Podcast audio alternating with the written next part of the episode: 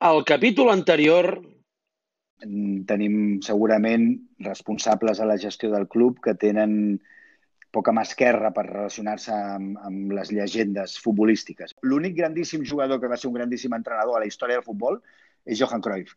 Segurament l'altre és Franz Beckenbauer. No n'hi ha més, eh? O sigui, ser un grandíssim jugador no vol dir ser un grandíssim entrenador. I jo, jo he estat parlant amb el, amb el Puy diverses vegades i, i ell crec que sí que és una persona preparada per, per, per portar la direcció esportiva del club. Crec que sí, tinc la sensació que sí per l'experiència que té. Ja fa temps que es va retirar i ha estat treballant i s'ha preparat força bé. I Xavi Hernández tot just acaba de començar ara. Jo crec que ell mateix també ho diu, no? que necessita eh, un recorregut, segurament també perquè, perquè el club eh, passin més coses i ell pugui arribar a, a liderar un projecte nou. Neymar, quan era jugador del Barça, per mi era el segon millor jugador del món.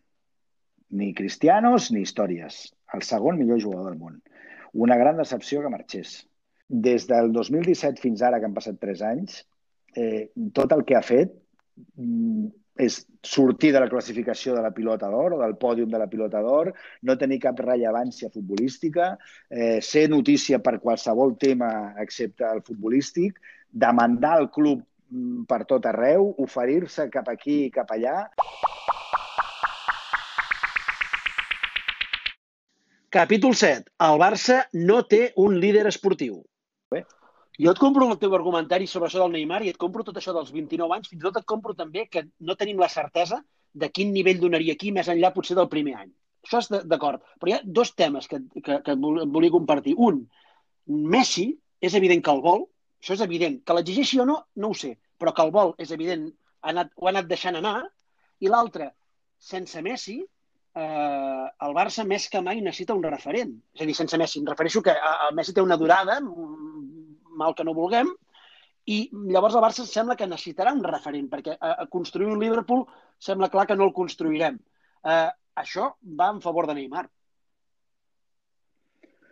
Sí, seria, t'entenc, és, és, és, una, és, és una decisió més curtplacista, oi? És, és dir, mira, va, eh, mentre estem en aquesta situació que encara no hem acabat de fer net per començar una nova etapa, doncs allarguem aquesta amb una figura que ja s'entenen i que ja han jugat junts.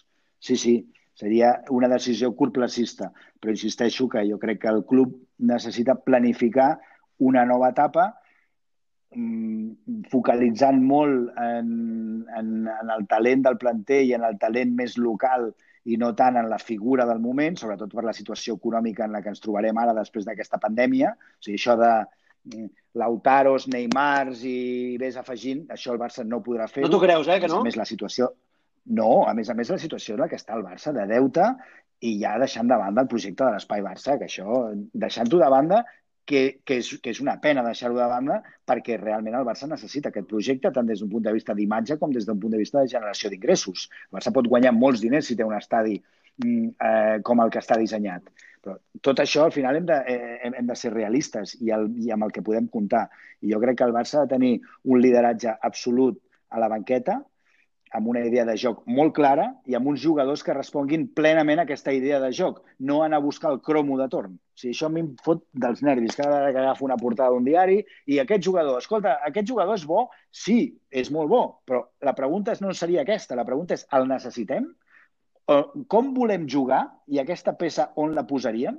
Perquè tenim els exemples. O sigui, Griezmann, eh, on, on, on hi cap en aquesta manera de jugar si estan tots? No, sí, eh, però, però per fer això, per construir aquest Barça que dius tu, que és el Barça que va construir Johan Cruyff, que és el Barça que va tornar a construir un Pep Guardiola, que no oblidem, es carrega Deco i, i Ronaldinho amb el que són les figures del Barça, es carrega Deco i Ronaldinho, per fer això necessitem un lideratge, i no necessàriament de l'entrenador, sinó de, de, de més amunt. Exactament. És ni més ni menys. Eh, el que va fer Pep Guardiola va ser va ser molt intel·ligent de saber que per imposar la seva manera de jugar, que és mm, d'un rigor tàctic brutal, eh, havia de tenir la complicitat del vestidor mm, i, creu, i, i que el creiessin des del primer minut. I, per tant, les, possiblement les figures que podien remar en un sentit contrari eren les que ell va voler prescindir. Entenc que va ser aquesta la seva decisió, amb la, amb la intel·ligència i la visió de saber que aquella plantilla hi havia doncs, un, un Messi, un Iniesta, un Xavi, eh, i, i, i que podia pujar jugadors de sota com Busquets i Pedro, que hi havia Puyol, que... En fi, o sigui, ell, ell anava una miqueta sobre segur perquè sabia que tenia tota aquesta generació de jugadors joves, no? Va ser molt intel·ligent. Però el canvi que es va fer amb Johan Cruyff a l'any 88, amb la seva arribada i els fitxatges que van venir, tampoc podem dir que fossin figures mundials. Ja sé que el futbol en aquell moment no era tan global com ara, era molt més nacional, eh? però, però, però si podem comparar, eh, i, i un, un, un Vaquero, un Chiqui, un López Recarte, un, un Eusebio, un Salinas, un Valverde, un Soler, un Aloisio... No, no, és que l'única figura mundial que va venir va ser Koeman, perquè l'Audrup tu l'estàs rescatant de, de la Juve i a, i a Risto te la inventes. Exacte. Exacte, però què hi havia? Hi havia un lideratge absolut de com es volia jugar i saber quines peces necessites per jugar d'aquella manera. O sigui, al final t'ho dona un lideratge esportiu.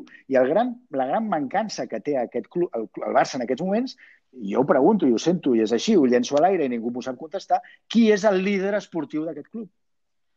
Sembla... A la gespa. Sí, sí, sí. Sí, però, però, però, no hi ha ningú més, ho sento molt, eh? I molt respecte a tots els professionals que estan treballant, que ho fan tot el millor que poden. Però necessitem, el Barça necessita un líder esportiu indiscutible.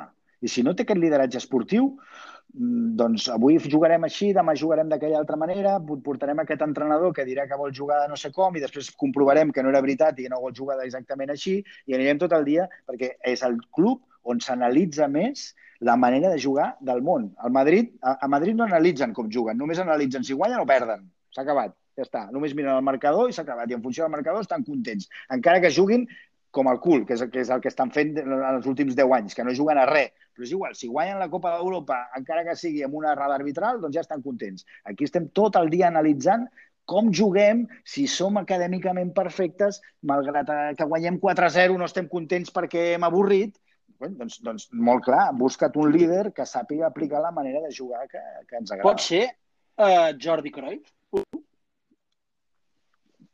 Pot ser, sí, sí, pot ser, clar que sí. O sigui, tots, tots aquells mm, jugadors, exjugadors eh, amb més o menys experiència de gestió que, que hagin conegut aquesta manera de jugar i que siguin fidels mm, d'una manera absolutament insubornable, mm, poden servir. I, i ser fidel d'una manera insubornable vol dir no vull sentir mai més que, vull, que s'ha de portar múscul al mig del camp o que hem de jugar amb més intensitat.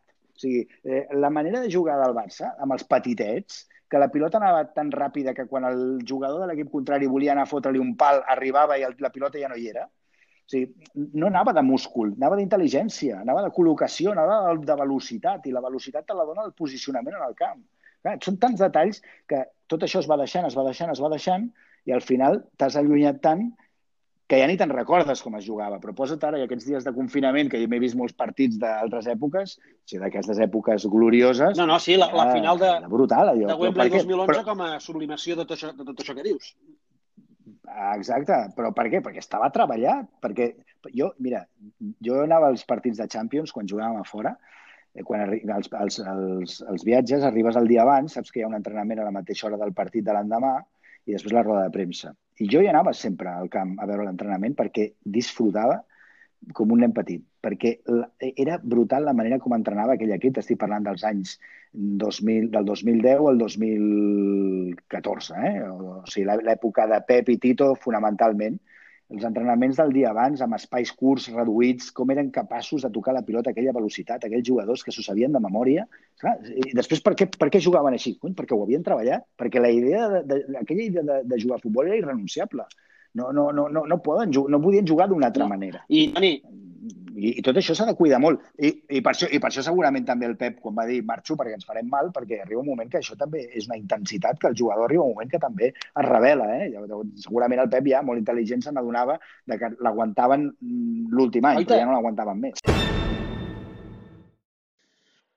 El proper capítol... L'època Luis Enrique, mm, com a model col·lectiu, no va estar malament, tot i que era diferent però en general el que jo diria és que hem aplicat un model més de futbolista, del jugador concret, que no pas col·lectiu.